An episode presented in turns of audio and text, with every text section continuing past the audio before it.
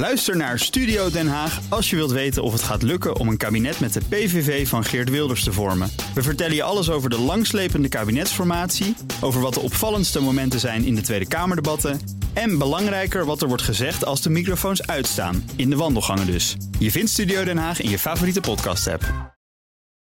DNR Nieuwsradio. Boekenstein en de Wijk. Hugo Reitsma. Nieuws uit dictatorland. De open samenleving blijkt toch geen semitisch complot van George Soros. De echte vijand is eindelijk geïdentificeerd. Ethno-nationalisten, rechtspopulisten en aanverwante Europese vrienden. Let op, uw vijand. Hij is ijselijk en genadeloos. Hier in een, in een blog van Orbans woordvoerder zelf geportretteerd als een babyrendier in de sneeuw. Maar laat u door zijn verschijning niet misleiden in het sinistere Finland. Welkom bij Boekenstein aan de Wijk, op zoek naar de nieuwe wereldorde. Met in de studio, hij blijkt op de verkeerde loonlijst te staan. Soros, toch? Ah, dat is Boekenstein. Hoe dat klopt. En hij weet hoe het werkt, want hij spreekt dit weekend op de Nacht van de Dictatuur. Rob de Wijk. Ja, maar ik zag, Rob, één zaaltje verderop... een bijdrage van het Helsinki-comité. Dit kan geen jee, toeval oh zijn. jee, oh jee. En onze gast is net terug uit Helsinki. Dit kan helemaal geen toeval zijn. Voorzitter van de Europese Raden van de Rechtspraak, Kees Sterk. Welkom. Dank. Had je dit blog al gezien? Het is echt in, in, in Finland, maar net heel uit teruggekomen. Het is daar absoluut niet pluis. Volgens eh, de woordvoerder van Orbán zelf. Rechters zijn niet onafhankelijk. Er is geen constitutionele toetsing. Ernstig. Eilanden, eilanden worden aan Russische Eh, oligarchen verkocht. oligarchen Oh ja, verkocht. ja, die ook. Ja, ja, ja, ja. Nou, ja ik, ik ben er geweest en ik heb veel ervaring met eh Finse collega's. Laat ik beginnen met te zeggen, ik vertrouw ze volledig. Eh, het, zijn, het zijn mensen die je kunt vertrouwen. Het zijn rechters die, die gewoon onafhankelijk zijn. Er is geen eh, constitutioneel hof.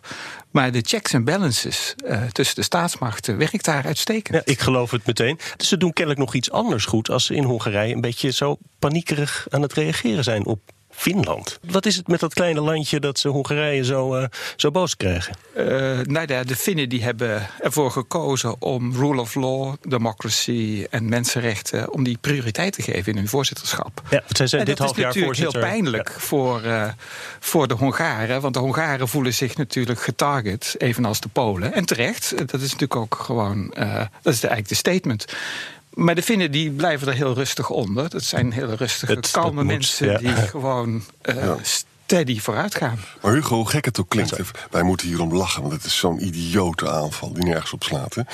Maar ik hoor dus eh, Dirk-Jan Epping en Thierry Baudet gebruiken dezelfde argumenten. Die zeggen ook van, ja, Finland heeft geen constitutioneel hof.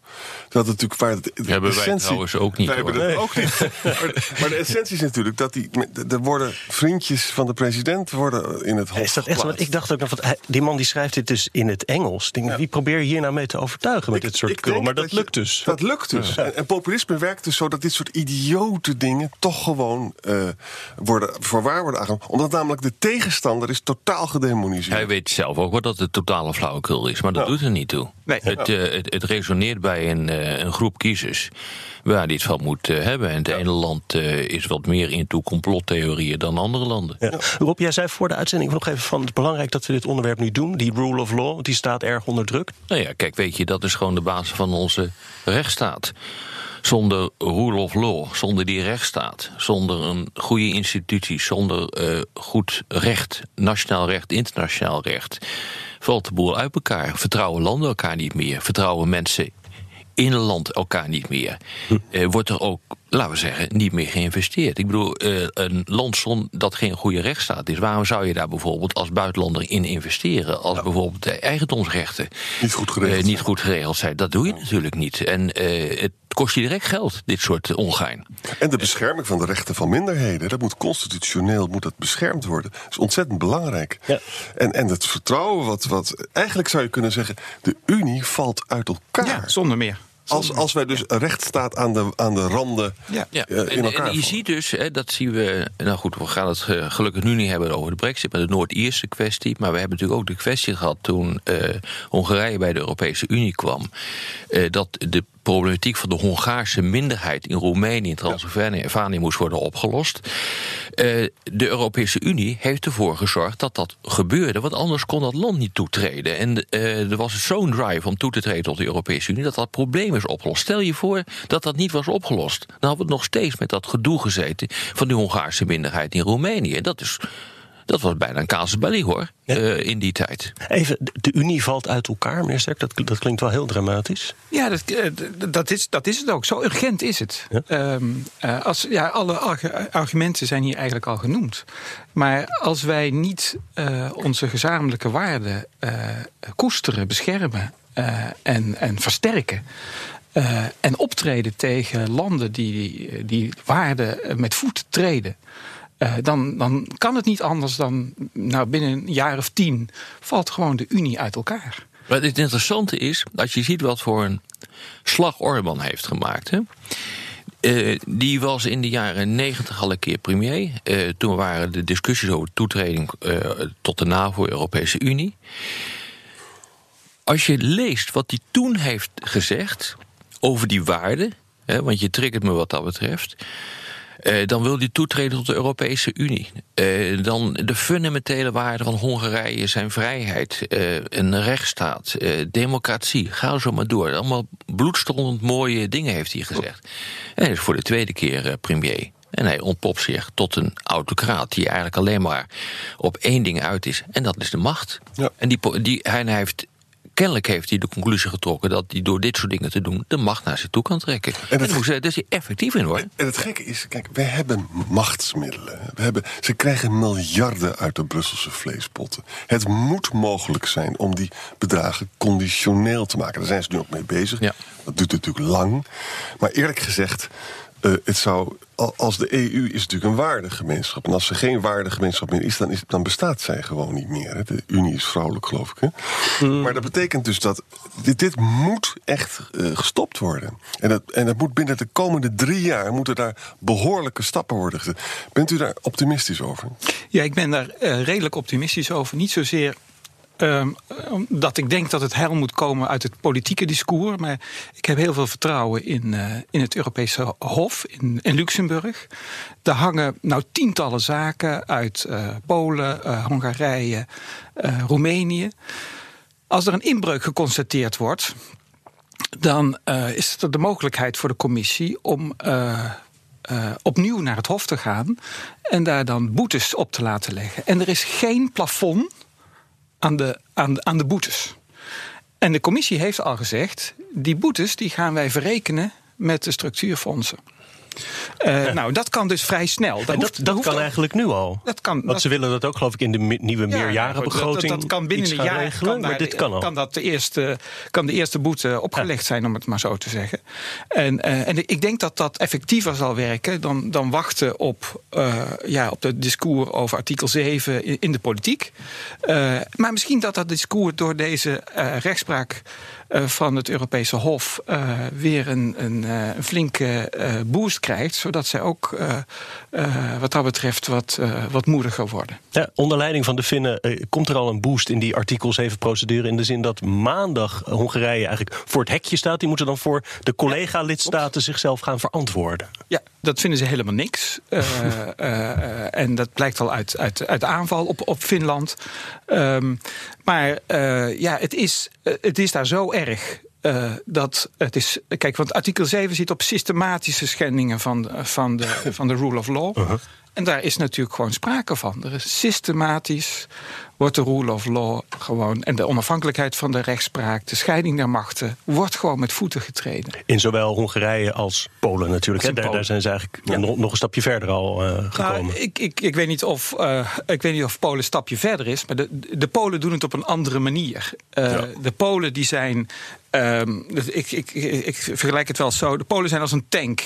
Je ziet ze van verre, zie je het, ge het gevaar aankomen. En het, maar het rolt maar door totdat er een keer een rood blok is waar ze niet overheen kunnen. En de Hongaren, dat zijn, die zijn wendbaar als, als hun paarden op de poes staan. uh, en, uh, en die zijn sociaal in mijn ogen veel slimmer. En, ja. en in, die, in, in die zin ook gewoon gevaarlijker. Je hebt minder snel door wat er in Hongarije gebeurt dan in, uh, ja. dan in Polen. Maar ik denk eerlijk gezegd dat, dat in Hongarije is het al veel langer aan de gang. En, uh, en, en, het gaat stapje voor stapje. Nu zie je dat uh, de oud-minister van Justitie. die moest commissaris worden. Nou, hij is nu kandidaat en moet nog door het Europese parlement. En dan zijn ze een tijdje, een half jaar, doen ze niks. Ja. Uh, nou, dat, het, Polen, het Polen zitten zo niet in elkaar. Die blijven maar gewoon doorgaan. En wat dat zo gevaarlijk maakt, dat is ook een Europees fenomeen. Hè? Van, bij Brexit had je op een gegeven moment drie rechters. Hè? Dan stond er gelijk enemy of the people. Nou, gezellig. Hm. Hè? In respect ja. over neprechters. Uh, Salvini en zijn achterban die zullen ongetwijfeld ook wel uh, bezig zijn met opmerkingen over rechters als het er niet uitkomt. Zeker. Hè? Als Marine Le Pen verkozen zou worden. Ik bedoel, de gele hesjes zijn nogal verbonden met Front Nationaal. Maar ook met, met Rusland. Hè? Dus aan, met andere woorden, Steiners voordat we dit laten lopen. En we worden zelf ook intern verdeelder. Dan, de les is nu: het is ongelooflijk makkelijk om de rechtsstaat eh, kapot te maken. Nou ja, je ziet gewoon twee grote stromingen op dit ogenblik mondiaal ontstaan. Ja. Het interessante is, dat zie je heel duidelijk in Hongkong. Daar zie je echt gewoon wat er gebeurt. Ja. Het is uh, de strijd tussen de autocratie met zijn, uh, met zijn onderdrukkingsmiddelen en het, het, het afschaffen van vrijheden samtidig. En uh, dat soort zaken. En uh, degene die dat overeind uh, willen houden. Dat is een grote strijd die op dit ogenblik gevoerd wordt. En ehm, de grote vraag is inderdaad, en daarom is het ook een zaak die zo belangrijk is voor de Europese Unie. Kun je de Unie op dit punt bij elkaar gaan houden? Nou, een aantal mensen zijn heel blij hoor als die Unie in elkaar sodemietert, ja. omdat die waarden niet ingedeeld worden. Maar de vraag is, wat komt er dan voor in de plaats? Want je bereikt iets af, dat zien we nu met de Britten. Er is ook nu een, een, een, een nieuw uh, stuk uitgelekt waarin chaos wordt uh, voorspeld. Ja, ja, natuurlijk krijg je chaos. Als je instituties, institutionele structuren, de rechtsstaat afbreekt, dan creëer je chaos. Ik bedoel, daarvoor is die rechtsstaat ook bedoeld. Een regelgeleide wereld is dan verder weg. En ja. dat is slecht nieuws voor kleine mogendheden. Vooral voor ons. Want die zijn namelijk die zijn niet sterk genoeg om autocratisch op te treden, snap je? Oh, Oké, okay. ja, wij moeten het echt hebben van de goede regels. Wij uh, moeten het hebben van de nee, regels. Maar uh, dat geldt voor de noordelijke landen, dat geldt voor landen als Nederland. Ja. Uh, als de internationale rechtsorde, maar ook de nationale rechtsorde niet op orde is, dat uh, gaat ons gewoon geld kosten. Dat leidt tot armoede. Ik bedoel, ja. de, de, daarom zijn dit soort landen ook zo ongelooflijk uh, fervent, fervente voorstanders van, van, die, uh, van die rechtsorde. En moet je van goede huizen komen om daarmee te gaan stoeien. BNR Nieuwsradio. Boekenstein en de Wijk. Op zoek naar de nieuwe wereldorde. Dit is Boekenstein en de Wijk. En dat programma is natuurlijk niet zonder Arend-Jan Boekenstein en Rob de Wijk, uw eigen Helsinki-comité.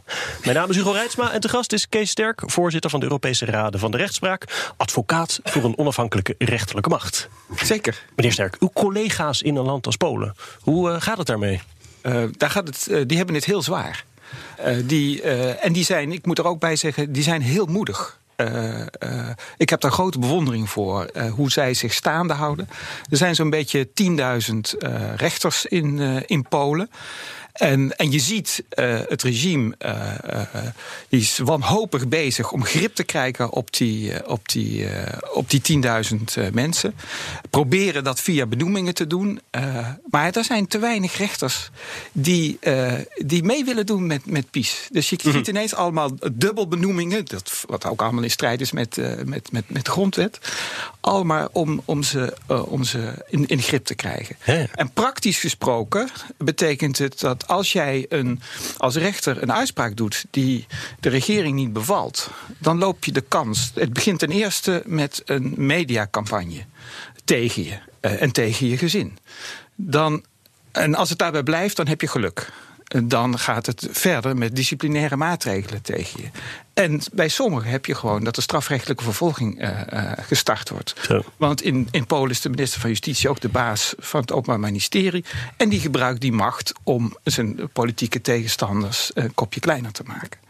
Nou, dus het is, uh, het is allemaal. En als je dus disciplinaire maatregelen aan de broek krijgt, dan word je, dan word je niet alleen ontslagen, maar dan wordt ook je pensioen afgenomen. Uh, en ja, dan word je dus gewoon helemaal, dan zit je helemaal aan de grond. Ja. Zo dus. Dat dan dus voor, voor rechters, dat heb je natuurlijk al meteen ja. als je aan de, aan de rechtsstaat komt. Wat merken burgers daar dan van? Nou, burgers merken ervan dat bepaalde uh, vrijheden, om, om maar eens iets te noemen, een, een gay pride. ja, als, als er een, een, een bestuur is van een gemeente die daar vergunning voor, voor weigert. En, en ze gaan naar de rechter. Uh, en de rechter zegt, ja, dit, uh, volgens onze wetgeving mag dat. Nou ja, dan, uh, dan hebben, ze dus, hebben rechters het heel moeilijk om volgens de wet en volgens het recht te beslissen. Want ze weten dat ze dan aangepakt gaan worden. Ja, je kan je recht niet meer halen als burger. Je kunt je recht zo, niet meer zo simpel is dat. Ja. ja, dat betekent dus dat een maatschappij op elkaar gaat vallen. Maar het meest verontrustend vind ik, ja, dit is zeer verontrustend, is dat dat toch op steun kan rekenen onder een belangrijk deel van de bevolking. Dat zien we in, in Hongarije ook. Daar uh, heeft uh, de club van Orbán heeft toch meer, een, een absolute meerderheid uh, gehaald. PIS, idem dito. Die, of, is dat absoluut of niet wat ze hebben gehaald? nog niet. Nog nee. niet, maar het zit er dichtbij, uh, dicht tegenaan. En wat je ook vaak ziet is dat er systemen zijn... dat als je de winnaar bent, dan krijg je veel meer zetels in het, in het parlement... waardoor je mm -hmm. uiteindelijk toch nog een, een, meerderheid hebt... en je gewoon je, je, je, je ideeën kunt doordrijven... en ook de grondwet heel gemakkelijk kunt veranderen. En dat is precies wat aan de orde is. Maar nogmaals, we moeten niet vergeten... dit gebeurt wel met instemming van een belangrijk deel van de bevolking. Ja. En dat is op zich is dat zeer zorgwekkend. Wat dat betekent dus dat een deel van de bevolking... gewoon die waarden absoluut niet deelt. Maar wat is dan de aantrekkingskracht onder de bevolking van dit soort... Je wilt toch geen corrupte regering? Ja, wel. Oh. Als, de, als je... Als je denkt dat je daar goed garen bij kunt spinnen. Zeker wel. Als je op de mouw wordt gespeld, uh, dat je daardoor veiliger wordt. Uh, omdat bijvoorbeeld de immigranten niet binnen kunnen komen. Uh, of omdat je daardoor welvaart kunt krijgen. Nou, dan denk je van dat zijn wel klootzakken. Uh, die leiders van ons. En ze zijn wel zo corrupt als een neten. Maar wat maakt het eigenlijk uit? Ik bedoel, voor mij gaat het goed. Als er en, maar dat zijn belangrijke mechanismen hoor. Ja. Ja. En in Polen heb je dus die, die meneer Kaczynski... met die vol met complottheorieën zitten. Het gaat terug naar dat uh, verschijnsel dat vliegtuig. Ja, en die, dat is geen, formeel geen politicus, hè? Nee. Dat is geen premier, geen nee. minister en dat is een sterke man. Een sterke maar die is, man. die is zo fout dat hij niet eens meer Ja. in het kabinet kon zitten of president kon worden. Het is dus een, is een, een, een, een Pools vliegtuig met regeringsfunctionarissen naar Rusland gevlogen. Dat is uit de lucht uh, gevallen. Hè? En Ja. daar is dus allemaal, allemaal theorieën zijn daarover. En, Ja. En dat iemand is een bron van complottheorieën. Nou ja, wij weten allemaal wat dat, met, wat dat doet met een politiek vertrouwen. Als mensen voortdurend complottheorieën geloven. Ja, en, en, en zijn broer is daarbij overleden. Ja. En, uh, en ik, ik was laatst in Warschau en. En mensen zeiden van, uh, voor dat ongeval was die broer, die president was van de republiek, die was totaal niet populair. Maar daarna is er een verhaal, een mythe Cultus. gecreëerd, Ja. een cultus gecreëerd. Ja. Als je ook voor het presidentieel paleis nu in, in Warschau staat, dan zie je daar ook gewoon een standbeeld. Ja. Worden bloemen gelegd, worden Ja. kaart. Het is een soort heilige is er, is er van gemaakt. Ja. En, uh, en dat, nou ja, dat is dus ook mogelijk omdat je gewoon de pers in handen hebt, althans voor een groot deel. Ja, en- want dat hoort er een beetje bij. Je pakt de rechters aan, je pakt de media aan... dan Ja. heb je een beetje de tegenkrachten. Nou ja, je begint met de media, dan ga je naar het Openbaar Ministerie, dan probeer je grip te krijgen op de, op de rechterlijke macht. Ja, dat is de handleiding voor de autocraat. eh. Ja, Ja. Dat, dat, zie je, dat zie je in meer landen. Dat, uh, uh, zo, zo begint het. En, en, en, en, en het werkt tot op uh, hele grote hoogte. En bedenk ook, Polen is een heel groot land. Hè. It, has the geography, zoals de Engelsen zo mooi zeggen. En het is dus, veel Polen heb, zijn bij ons komen werken. En nu zijn de lonen in Polen binnenkort zijn die net zo hoog als die bij ons. En ze kopen heel veel producten. Het is een enorm succes geweest, ook qua economische groei. Hè. Nou, een regering die economische groei levert, die, die, die, die- dat zal wel goed zijn. Ja. Dat speelt waarschijnlijk ook een rol. Het zal wel kloppen. Ja. Ja. Maar het klopt helemaal niet. Nou ja, ze hebben uh, bij de eerste verkiezingen, die, die PiS-partij won met 38% van de stemmen. Ja. Uh, en, en omdat ze de grootste waren, kregen ze zoveel zetels in het parlement meer, Ja. dat, ze, uh, dat ze de meerderheid hadden. Uh, Nee, je kunt dus ook zeggen van het is democratisch gegaan. Ja. Dat Ja. is, eh, je, je ziet dus dat de autocraten niet meer aan de macht komen door staatsgrepen, maar die doen dat op slinkse wijze. Ja. Eh, door middel van propaganda en allerlei andere technieken. En krijgen de bevolking achter zich. spelen dus enorm in op, op onvrede. Je kunt dus ook zeggen: van ja, die mensen die zijn democratisch gekozen. Dus waar maken we ons druk om? We hebben ons daar niet mee te bemoeien. Maar ik denk dat dat een, een, een slechte redenering is. Want eh, deze landen zijn bij de Europese Unie gekomen en hebben ook eh, zich verplicht om de waarden te delen. Volgens mij zijn die vastgelegd in artikel 2 van Ja, het, eh. Ja. het verdrag van de Europese Unie. Daarin staat klip en klaar waaraan je moet voldoen. Dus met andere woorden, als je die waarden schendt. die democratische, democratische en, en vrijheidswaarden, ja, dan hoor je gewoon niet meer bij de club. Ja. Maar dan begrijp ik het optimisme eigenlijk niet zo goed. Want de Europese Unie heeft. Het zou toch een waardegemeenschap zijn. We zijn een regelsupermacht. En toch hebben we het, als ik het zo hoor, heel erg ver laten komen. Zonder in te grijpen. Of zonder effectief in te grijpen. Uh, zeker. Uh, we, uh, dat, voor een deel bij de Hongaren, zoals ik al zei, die, die pakken het sociaal heel handig aan. sociaal intelligent, zou ik zeggen. Hm. we hebben daar zitten slapen. de Polen die doen het veel openlijker en, en, en veel rechtstreekser. En, en daar zie je ook dat, dat heel lang uh, politici dachten van, uh, nou ja, in, in, in ieder land is wel iets niet helemaal in orde. Dat was eigenlijk fase 1, zeg ik altijd. En had je fase 2, ja, het is wel erg wat er gebeurt. Maar het is niet, uh, het, is, het, is, het buitenland, het is niet bij ons en wij gaan er niet over. En nu denk ik dat het besef algemeen is. En dat, dat het onze rechtsorde is. Het is een onderdeel van onze rechtsorde. Ik zeg altijd, het, het huis van de Europese rechtsorde staat in brand. En als het dak in brand staat, dan is het kwestie van tijd voordat het hele huis afgebrand is.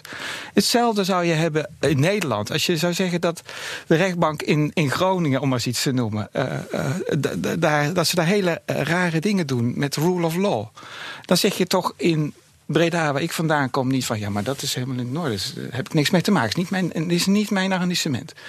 Nou, dat besef, uh, dat heeft heel lang geduurd mm -hmm. voordat dat uh, doordrong. Omdat natuurlijk uh, systemen van, van rechtspraak is iets van de landen. En het is pas nadat uh, het Europese Hof uh, zeg maar een paar braamberekende arresten heeft geweest. Ik zeg van ja, maar luister eens. Het kan natuurlijk niet zo zijn dat jij de onafhankelijkheid van de rechtspraak in jouw land aantast. Want, dan, want iedere rechter in Polen, Hongarije, noem maar op, Italië, is ook een Europese rechter. Ja. En wij, kunnen, mm. wij moeten aan Europese rechters moeten wij bepaalde minimum. Uh, uh, waarden van onafhankelijkheid uh, kunnen toedichten. En ja. anders dan kunnen wij het land niet meer vertrouwen. Ja. En dan kom je inderdaad uh, in, in de situatie dat, uh, ja, dat de hele Unie onder, ondergraven wordt. Ja, dus, dus dat, heeft echt tijd gekost. Dus dat heeft echt tijd gekost. Nee, dat gaat je geld kosten. Je vertrouwen in zo'n land uh, gaat afnemen, zeker. Als er sancties komen vanuit Brussel, en die gaan er waarschijnlijk komen, ja, dan gaat het je gewoon geld kosten. En dan zien de mensen ook wat de consequenties daarvan zijn. Maar dan nog hoor, dan nog zal een deel van de bevolking zeggen van ja, het zal wel. En dan kun je dus altijd, en dat is een heel sterk punt hier, je kunt altijd zeggen, ja, maar Brussel was fout. Ja. He, dus je, je schuift altijd de schuld in de schoenen van anderen. Dat is maar wij, maar wij hebben ook voor een deel schuld, hè? want ze zijn onderdeel van Europese politieke families. Die willen elke stem houden. Hè? Ook de stem van Orbán, die bij de Christendemocraten mm. zitten. En, en de Christendemocraten zijn nogal laks geweest met het onder druk zetten van Orbán. Simpelweg omdat ze die stemmen moesten hebben, omdat er toch al zoveel populisten uh, bij kwamen. Ja. En het, het spel is nog steeds niet op de wagen. Nee. Dus Hongarije en Polen gaan het wel moeilijker krijgen. Alleen dit soort neigingen die je ook in het Westen ziet, die zijn nou, nog niet. Die argumenten. Weg. Je begon met die, met die rare. Het, het mooie blogje. Rare blog van Kovacs, die adviseur van de president of van de premier van Orbán. Het begint ook wel veel irritatie op te wekken. En met name uh, die zogenaamde Soros-wetgeving in, uh, in Hongarije de totale flauwekul is. Waardoor ook een van de meest gerespecteerde universiteiten, die ja. inderdaad de Soros-wet uh, gefinancierd, het land is, heeft verlaten. Ja, weet je, dat, dat, dat zet veel kwaad bloed. En ook de argumenten die worden gebruikt, die zetten kwaad bloed. Want er wordt niet gediscussieerd, maar er wordt gewoon gezegd. Het gaat om onze nationale soevereiniteit. Punt uit. Gedeeltelijk is dat een argument die wel valide is, maar niet binnen de Europese Unie, omdat je op een aantal punten gewoon je soevereiniteit hebt afgestaan. Voor de radio moeten we afronden. Op de podcast gaan we nog even door met luisteraarsvragen. Luistert u op de radio, dan verwijs ik naar iTunes, Spotify of uw eigen podcast-app. Daar kunt u ook vragen stellen en Arend-Jan uitmaken voor Soros-lobbyist. Engelbert vraagt: waarom stemmen. Oh, dit hadden we eigenlijk al gevraagd. Waarom stemmen inwoners van Hongarije op een partij die lak heeft aan democratie? Gewoon heel kort, hè, de zondeboktheorie van ze houden Dat werkt. de islam bezig. Ehm, ze zorgen toch voor economische groei. Ze hebben net hun soeve- soevereiniteit herwonnen. Want het Rusland was niet aardig voor ze tijdens het juk, zeg maar. En nu gaan ze die soevereiniteit niet afgeven aan Brussel. Dat soort En redeneringen. we houden van identiteit eigenlijk, Jan. Ik bedoel, het is een katholiek land. Eh, het is het meest katholieke land volgens mij wat we, eh, wat we in Europa hebben. Misschien het Vaticaan eh, overtreft het nog, maar dat is vrij logisch. En dat betekent dus dat er een enorme identiteit is... die ook niet verwaterd moet worden door allerlei ongure types... die we immigranten noemen, om het maar zo te zeggen. En dat is ook een heel belangrijk argument om die boel bij elkaar eh, te houden. Ja, er speelt nog iets anders. Dus geschiedenis. Eh, Ja. Er is een, er is een verdrag, 1923, waarbij groot, waar, Hongarije was vroeger veel groter voor de Eerste Wereldoorlog. Heel veel stukken land zijn af. Dat is een nationaal trauma. Ja. En daar, daar, daar eh, grijpt Orbán op, Ja, op, op in. En, dat geldt ook voor en dat, dat, dat historische eh, trauma, dat wordt uitvergroot en dat wordt, dat wordt op scholen maar verteld, et cetera, et cetera, et cetera. En eh, dat speelt ook een, Ja, een Polen, enorme Polen rol. geldt hetzelfde hoor. Polen geldt hetzelfde. Echt hetzelfde. Dat, dat land, het, iedere keer zijn de grenzen van dat land eh, Ja. Eh, gewijzigd. En op een gegeven moment eh, zegt men, nou, genoeg is genoeg. We gaan hier weer een grootste natie van maken. En dus met een identiteit. Nou, en dan heb je de cirkel rond. En dan maak je jaren hebben de moslims verslagen. En dat weten ze nog heel goed. Dat was nou weer in Hongarije. Dus John Haasjes vraagt: Staat Hongarije in zijn recht? Mogen ze juridisch gezien doen wat ze doen? Eh, het antwoord is nee. Helder, dank. Wout T. eh, vraagt: De ene maand trapt de Hongaarse regering tegen de schenen van Finland, Nederland of Brussel. En de andere maand pleiten ze voor betere betrekkingen met Duitsland en zelfs Syrië. Wat is de gedachtegang achter deze strategie? Opportunisme. We zijn van de, we zijn van de heldere antwoorden vandaag. Dank Rob. Max vraagt, Zal het verder aandraaien van de duimschroeven met betrekking tot Orbán niet leiden tot verdere blokvorming en versterking van anti-EU-sentiment bij eurosceptische landen? is een hele interessante, want het woord Visegrad-groep is nog niet eh, gevallen. Dat zijn die landen, zeg maar, die, die, die vier landen die in Midden-Europa belangrijk zijn. Je ziet inderdaad blokvorming gebeuren.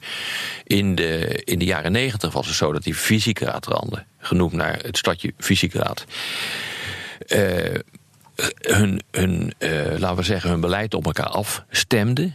Om ook, eh, laten we zeggen, binnen de Europese Unie makkelijker binnen te komen. En vervolgens ook een, meer een vuist kon, eh, kunnen, eh, konden maken. En wat je nu ziet, is dat die Visegrad-landen ook veel meer politiek op één lijn eh, begint te zitten. Dus zeg maar, immigratie afwijzen, dat soort zaken. Zijn dat Tsjechië en Slowakije? Zijn dat de andere Ja. twee? Zijn die dan ook eh, op het hellende vlak eh, inmiddels? Nou ja, eh, d- Minder. Minder, minder. Maar bijvoorbeeld eh, in Tsjechië eh, was er wel ook een, echt een populist eh, gekozen tot, tot president. De grote protesten. ook Slowakije tegen. kon er ook wat van hoor. Dus, eh, Maar er is nu een, een, maar een dat gaat, president gekozen, gaat een een vrouw, stuk beter daar. Ja. die Die, eh, ja, die zijn juist de andere kant op getrokken. juist de andere kant op getrokken is. Ja. Maar nog even, dit, wat, natuurlijk zal dat tot blokvorming leiden. En we zijn natuurlijk vreselijk bang dat dat dan ook zou toe leiden dat ze eruit vallen. Maar voor mijzelf is de, de waardegemeenschap is zo belangrijk. Hè, dat als het dus echt misgaat, ja, dan moeten we misschien maar uit elkaar. Wat heel ernstig zou zijn. Maar als we dit laten lopen en we zeggen, nou, rechts dat is eigenlijk ook niet zo belangrijk. Dus je kunt er gewoon bij. Dat lijkt me op de lange termijn de slechtste scenario. Theo Dekkers, die meldt dat hij hier eigenlijk helemaal niets van af weet... van de kwesties die we hier bespreken. Alleen dat Hongaars en Fins aan elkaar verwant zijn. Ik wou het toch even genoemd hebben. is allebei niet te volgen. Dat is ik ken geen Toevallig heb ik daar talen dan dat. deze week eh, met eh, wat Finnen over gehad. En er schijnt nu onderzoek te zijn dat alleen de grammatica overeenkomt. En voor de verder rest verstaan ze elkaar totaal niet. Nee, Fijn. Maarten, eh, bij deze. Nee, dit was Theo. Maarten, die vraagt... Oh jee, dit was iets, dit was iets voor jou, eh Arjan. Leg, leg het lot van Magyar Nemzet dan ook maar even uit. Dat was een Ja. krant die sloot. Ja, dat is een hele intelligente man op Twitter. En, en ik heb het maar even gekoekeld. Ik dacht van, ja, ik wil toch een goede beurt maken. er, was, er was een krant, en die was, dat was een krant eh, van Orbán... met een circulatie tussen 70.000 en 150.000.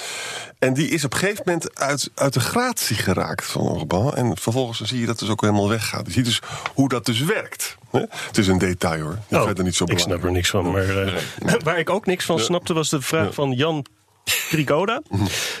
Die zegt: Tijd dat Finland zelf op de pijnbank wordt gelegd. Weinig solidariteit met de mede-Molotov-Ribbentrop-landen en de EU-NAVO richting Moskou sturen. Deze man is Zo dus heb ik toch- het ook altijd Ja. eh, bedacht. Ja. Dat vind ik ook. ja. Deze man die haalt, gaat, gaat gewoon, gewoon de Russische propaganda en wordt gewoon herhaald. Hè? Dat is wat er gebeurt. Met andere woorden, Hongarije wordt aangevallen of Polen. En dan zeg je, zeg je gewoon, de Finnen zijn nog veel erger. Het is een whataboutism eigenlijk, zeggen, dat noemen de Amerikanen dat. Hè? Maar ik vind het dus kwalijk. En ik ga nog verder.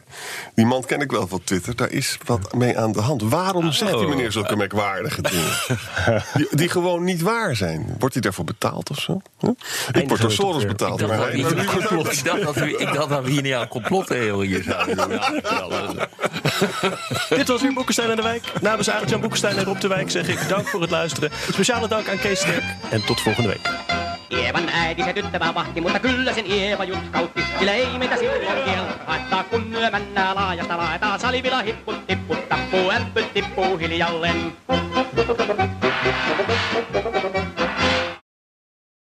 Ook Hugo Reitsma vind je in de BNR-app. Superhandig die BNR-app. Je kunt alle programma's live luisteren, breaking nieuwsmeldingen. Je blijft op de hoogte van het laatste zakelijke nieuws. En je vindt er alle BNR-podcasts, waaronder natuurlijk de belangrijkste, Boekenstein en de Wijk. Download nu de gratis BNR-app en blijf scherp.